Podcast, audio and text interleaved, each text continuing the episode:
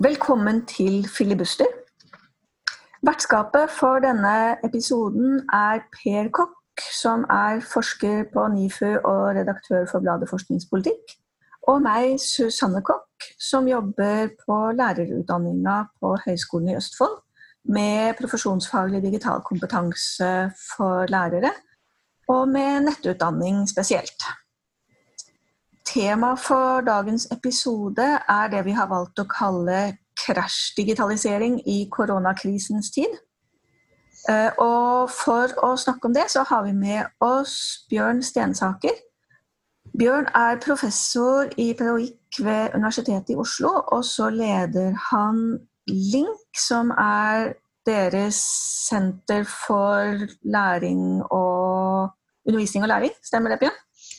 Utdanning og læring, læring, undervisning, alt som har med å gjøre med formidling av fagene på Universitetet i Oslo.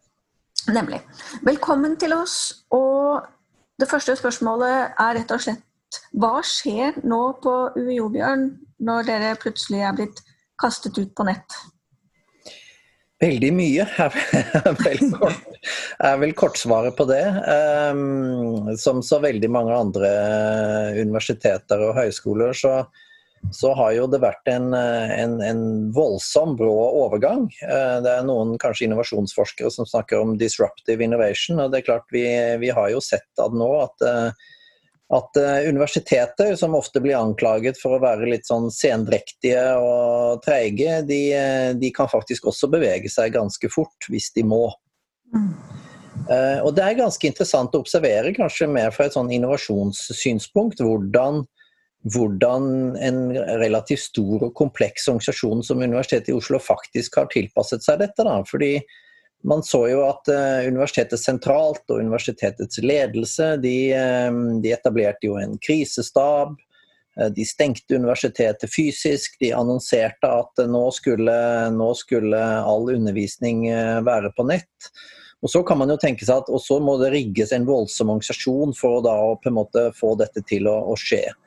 Men det som i virkeligheten har skjedd, er jo selvfølgelig at um, det universitetet har gjort, er at man har eh, kjøpt inn ulike typer digitale verktøy. Uh, for UiOs del så hadde vi jo allerede en, en digital læringsplattform, som så veldig mange andre universiteter, Canvas. Og vi hadde en del andre typer digitale verktøy som, som veldig mange har, Mentimeter osv. Det man gjorde i tillegg, var å kjøpe inn uh, dette videokonferanseverktøyet Zoom.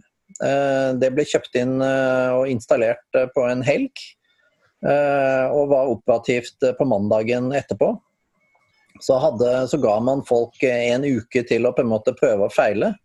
Og man la ut en del fellesressurser. Og, og mirakuløst så har jo så har jo på en måte dette rett og slett eh, funka, fordi at eh, enkeltindivider har rett og slett eh, lært seg å bruke denne type teknologier og klart å få undervisningen sin over i en eller annen type digitalt format. Da. Så det er på en måte det interessante her i innovasjonssammenheng er jo på en måte at ja, men, organisasjonen sentralt har stilt til rådighet en del verktøy, kommet med en del råd og vink i forhold til hvordan hvordan man kan bruke dette her, men så har man egentlig overlatt hele implementeringen til, eh, til enkeltindivider. Og Ofte så snakkes det jo om at universiteter er litt sånn det man på engelsk sier 'bottom heavy organizations'. altså Kunnskapen sitter jo gjerne i hodene på, på, de, eh, på de, ansatte som jobber der. Og, og dette syns jeg har på en måte vært en veldig god illustrasjon. At det å ha ansatte som, eh, som har selvstendighet og som også har autonomi, det har, en, det har, noen fordeler også i, i, situasjoner som dette. Fordi at man, man tar rett og slett ansvar. Så, det er vel også noe som kjennetegner norske arbeidsplasser, i alle fall de arbeidsplassene der det jobber folk med høyere utdanning, at de gis autonomi, og om de ikke gis autonomi, så tar de det ofte selv. Fordi det er det vi er lært opp til gjennom høyere utdanning.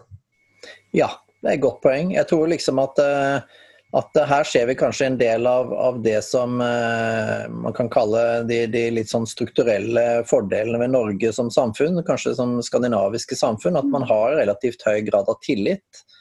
Og Det har jo vært en, en tillitsbasert prosess. Man, eh, sentralt fra UiO f.eks.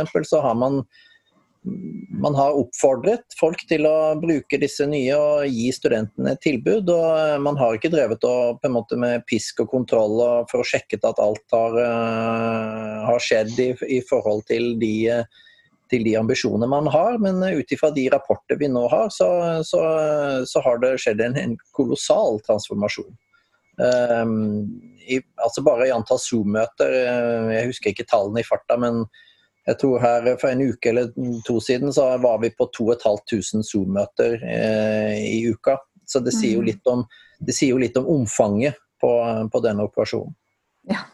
Hvis vi ser på dette fra et sånn innovasjonsforskningssynspunkt, hvilket du jo allerede har gjort, eh, da er jo dette en sånn nyttig før- og etter-studie. Du har to situasjoner. Dere presenterer nå en, et bilde av et universitet som omstiller seg raskt, og som faktisk har gjort det. Men før krisen så var det ikke vel alltid like enkelt å få gjennomført si, dramatiske reformer ved Universitetet i Oslo, for så vidt i sektoren i det hele tatt. Det var vel også motstand mot digitalisering, var det ikke? Ja, kanskje ikke så mye motstand som eh, kanskje mer likegyldighet, vil jeg si. Um, fordi folk så jo, altså, og det ser vi jo nå også, altså digitalisering har jo, um, har jo store fordeler. Altså det, det, muliggjør jo faktisk eh, undervisning og læring i en, i en, situasjon hvor vi fysisk ikke, ikke, kan møtes. Samtidig så ser vi jo at um, ut ifra de undersøkelser vi har gjort, så ser vi jo på en måte at det er en del ting som, det, som det, den digitale teknologien rett og slett ikke kan, ikke kan gjøre. Altså det der læring som en litt sånn sosial, sosialfaglig prosess. Altså det at man faktisk møtes. Og selv om, kan, selv om mange av disse plattformene er fantastisk gode, vi både ser og hører hverandre. og så, så, er det noe annet eh, eh, likevel enn det å sitte overfor hverandre i små grupper og, og kommunisere. Så, så, det ser vi jo på en måte er en, eh, noe som studentene faktisk savner. At eh, en del av den undervisningen de nå mottar, er jo det man kan kalle asynkron. Altså de, de kan se på f.eks. på videoer eh, når som helst, midt på natten for den saks skyld. Eh, de kan forberede seg, de kan gjøre, levere inn en del oppgaver osv. Og, så og så har man kanskje en del sånne type felles seanser da, eh, på samme tidspunkt. Men det er klart eh, Man blir ganske sliten også av å, av å, bruke en del av disse nye videokonferanseverktøyene. Altså, de blir veldig intense. De krever en, en, en ekstrem oppmerksomhet. Eh, så man ser på en måte at en del av, de, en del av disse fysiske, gamle fysiske møteformene det, det er klart de har stor betydning for læring, de òg. Så det å finne en balanse der, eh, det tror jeg er kjempeviktig nå som vi, nå som vi kanskje går over, over, i en ny situasjon. Hvor, eh, hvor koronakrisen eh, vi, vi, kan alle håpe på at ting normaliseres, men kanskje normaliseres det ikke så raskt som det vi tror. Dere på UiO dere har sagt at dere nå for forutsigbarheten sin del planlegger hele neste semester på nett. Ja. Og, tenker, da, da, og, Vi vet allerede at uh, Folkehelseinstituttet og myndighetene har sagt at store forsamlinger er relativt uaktuelt. Så det er klart at uh, For veldig mange fag som har drevet med å samlet studentene i store forelesninger, det, høyst sannsynlig så er det helt urealistisk. Uh, så det er klart at her står vi overfor da en litt annen type utfordring. Altså, man, man, snakker jo gjerne i forhold til koronavirus om første bølge og andre bølge og den type ting. og Jeg tror vi kan, vi kan gjøre det samme også når det gjelder på en måte den teknologiske omstillingen. Jeg tror vi er, vi er gjennom bølge én i forhold til uh, teknologiomstillingen. Og den har funket egentlig nettopp fordi at vi har høy grad av tillit, vi har en, en relativt bra kompetanse når det gjelder bruk av teknologi. som så, så man har klart å få det til. Men resultatet er nok litt sånn kaotisk sett fra et studentsynspunkt. Eh, altså Studentene går jo på et studieprogram. Eh, og hvis vi nå fra høsten skal på en måte tilby digitale studieprogram, så kreves, krever jo det en litt annen type integrasjon. Eh, litt annen type helhet og sammenheng enn at man bare på en måte eh, stunter undervisning på nett. Altså det, det, krever en litt annen type forberedelse og helhetstenkning. Så Det tenker jeg blir en, en kjempeutfordring i nå, nå, til høsten. Hvordan kan vi ikke bare digitalisere undervisningen, men hvordan kan vi digitalisere studieprogrammene? Det er en litt annen og, og langt mer utfordrende sak enn det vi kanskje har erkjent det nå. Ligger rammene dine til rette der? Eh, digitalisering av studieprogram eh, ser jeg for meg skulle kunne butte i lovverk, f.eks. Eh, lovverket setter veldig strenge regler for eh, hva slags undervisning folk har rett på, eh, hva slags eh, rammer som skal ligge for vurdering underveis og i slutten av et studium osv. Vi vet at de fleste, langt de fleste studenter har tilgang på god infrastruktur, men ikke alle har nødvendigvis tilstrekkelig infrastruktur til å følge digital undervisning over et helt semester osv. Eh, hva tenker du om det? Jeg tror du har et viktig poeng. Jeg tror, ehm, altså, sånn, Sett i forhold til lover og regler, så er det vel to ting som er, eh, som er litt sånn prekært å, å, kunne håndtere. Det ene er jo dette med GDPR, altså personvern.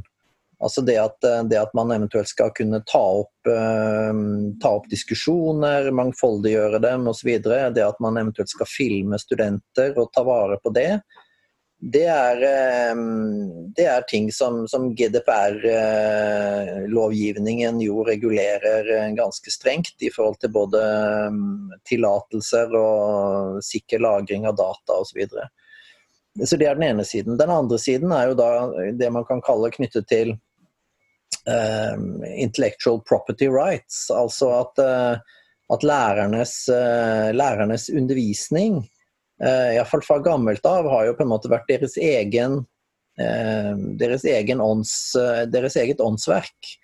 Jeg, altså nå har jo lovgivningen endret seg litt der over tid, så, så hos, um, hos de som er på en måte nyansatte, der har man på en måte i deres ansettelsesvilkår uh, så har man på en måte sørget for at, uh, at universitetet også på en måte har en, en noen, noen rettigheter der knyttet til mangfoldiggjøring osv.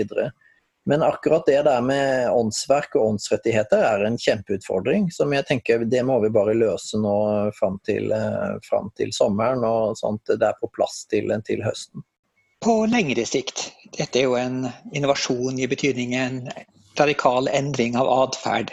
Og koronakrisen kommer til å gå over før eller siden, om det tar et halvt år eller et helt år. Eh, når det er over, tror du vi er tilbake til normalen igjen, eller har vi nå fått utforska og eksperimentert med ny teknologi og nye måter å samarbeide på, som kommer til å prege universitets- og høyskolesektoren i lang tid fremover?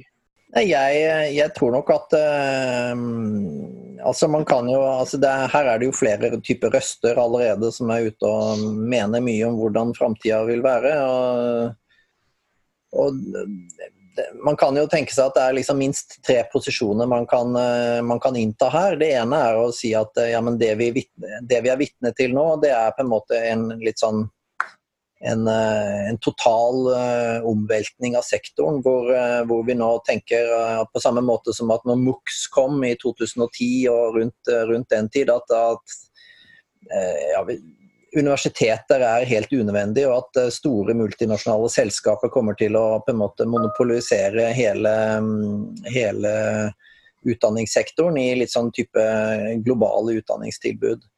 Um, og det, det, vi ser nå, er egentlig bare forløperen til en sånn utvikling.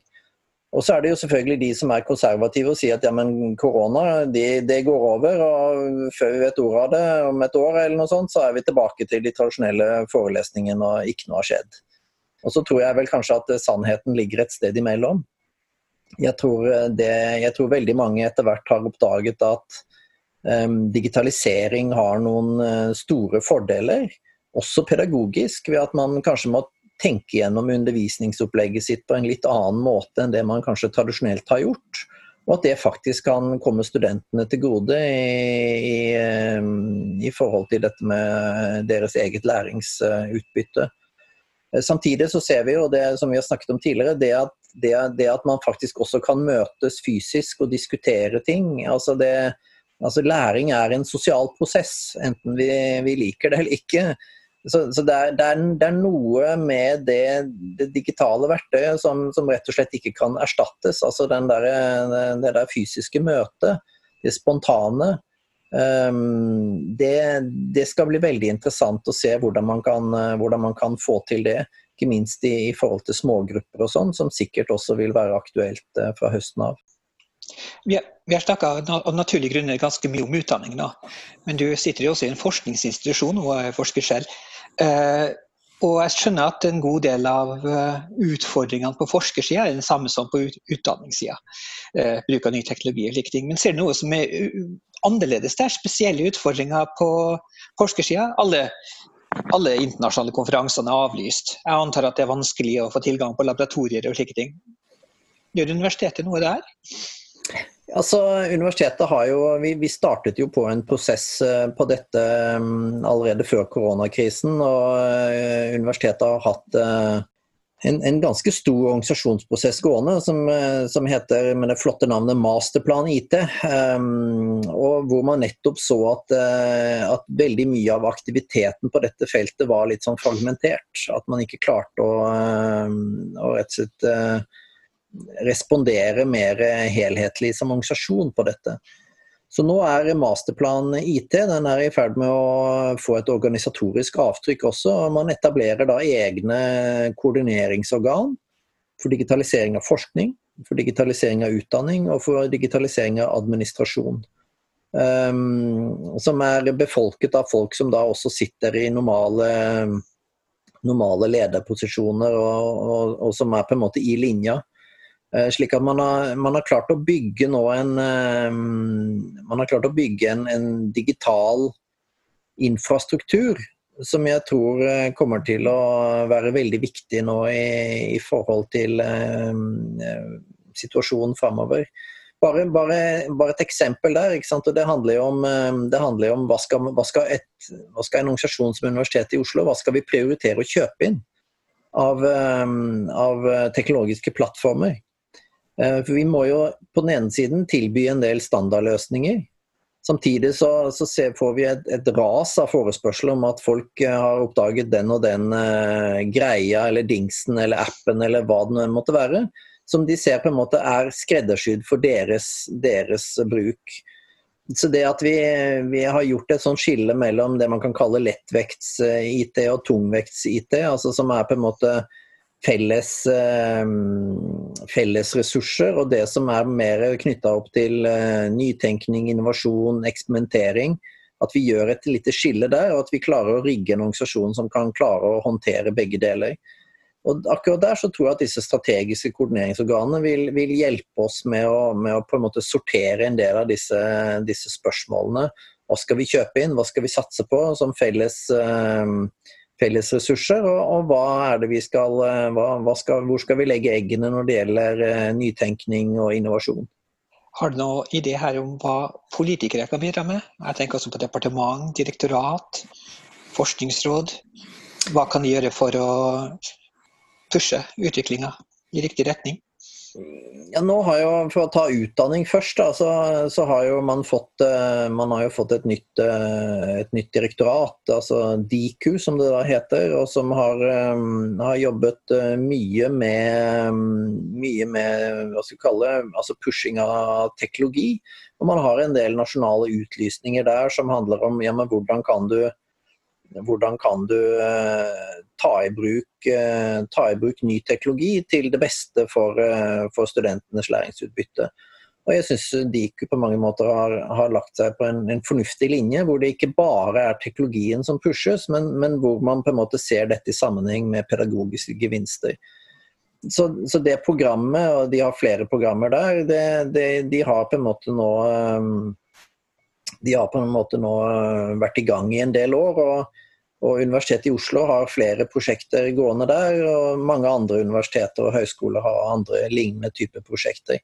Utfordringen med denne type ting det er at det skjer jo veldig mye spennende eh, hos de som da får denne type finansiering. Og så, og så, ser vi på en måte at utfordringen handler jo om ja, hvordan, hvordan, sprer du da dette? Altså Hvordan får du på en måte utnytta liksom, den eh, systemgevinsten her? Og det er jo en, en nøtt, altså. For, for, vi ser på en måte at, at sånne type innovasjoner det har, eh, de har et enormt potensial. Men samtidig så ser vi på en måte at andre folk blir også litt sånn skeptiske.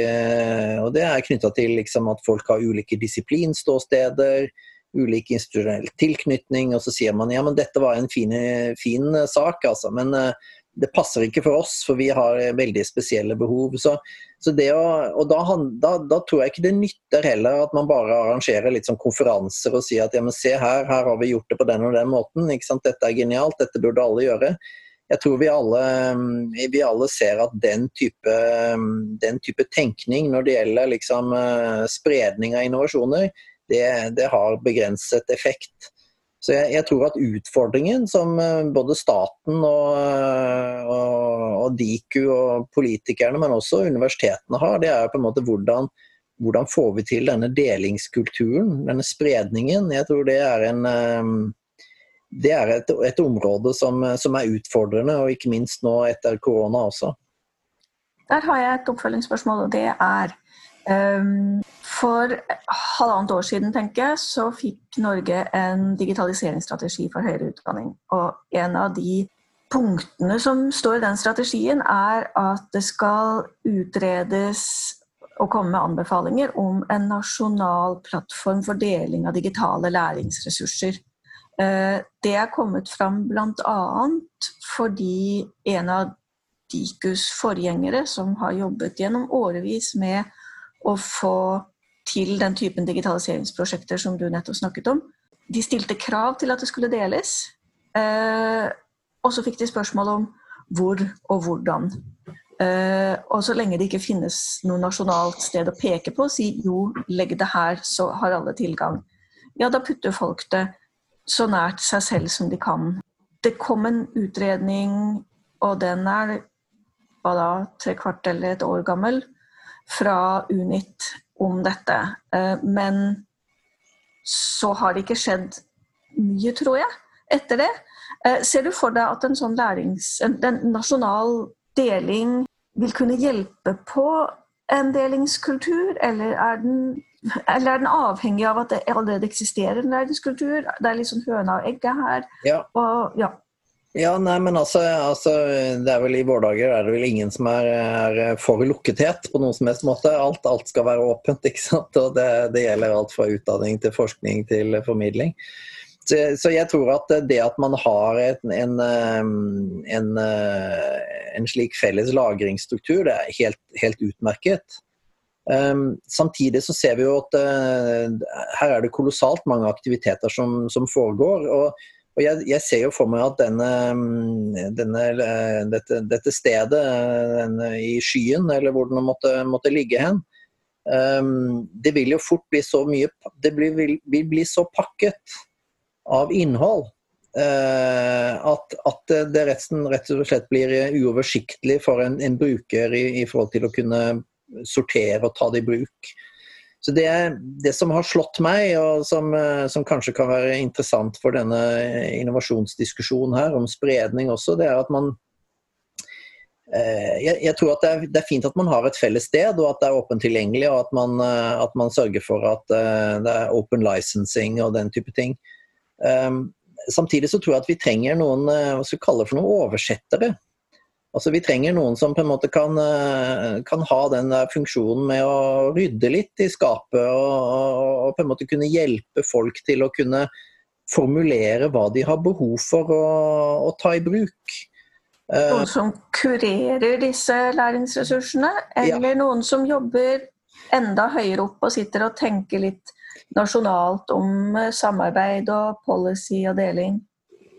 Nei, altså jeg tror at skal du få, få nytte på dette, så, så, tror jeg du heller skal, skal tenke litt sånn uh, nære brukerne, rett og slett. For jeg, jeg tror at uh, det, det, er, fint som sagt at det foregår nasjonal koordinering, og det er, helt, det, er, det er, en viktig infrastruktur som må på en måte være til stede. Det er en betingelse for at dette skal kunne, kunne, kunne skje. Samtidig så tenker jeg at ja, veldig mye av den innovasjonen må jo knyttes til et konkret behov. da. Som lærestedene og fagmiljøene og enkeltpersoner oppleves å ha. Og så er det ikke alltid at de klarer å på en måte formulere hva det behovet er for noe.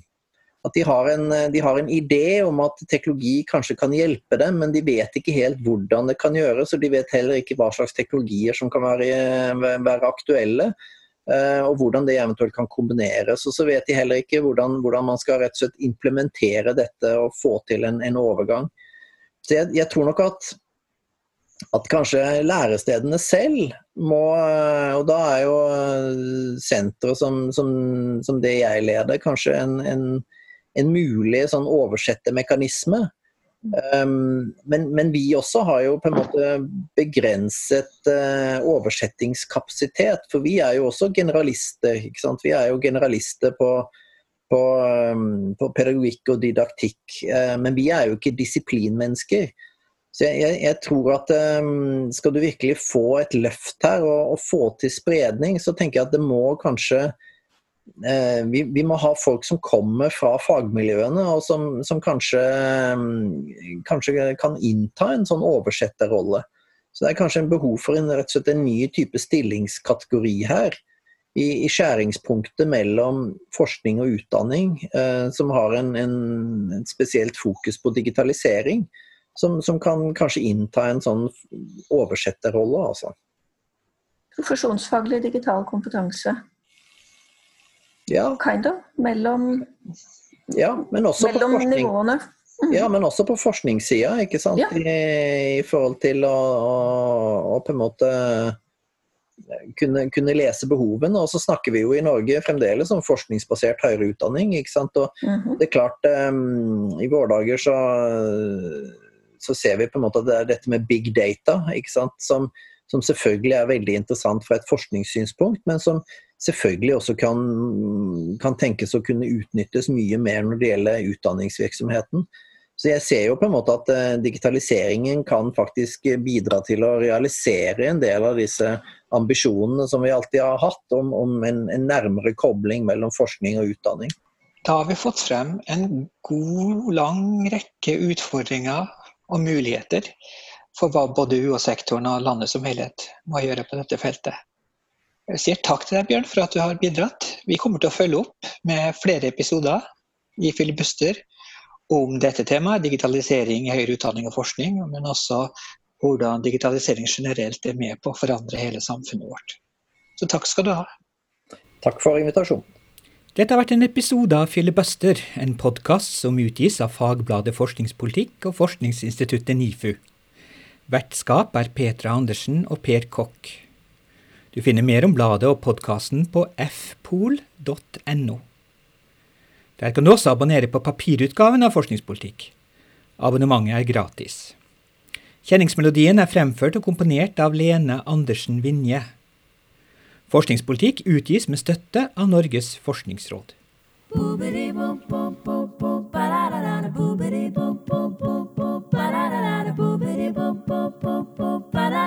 Da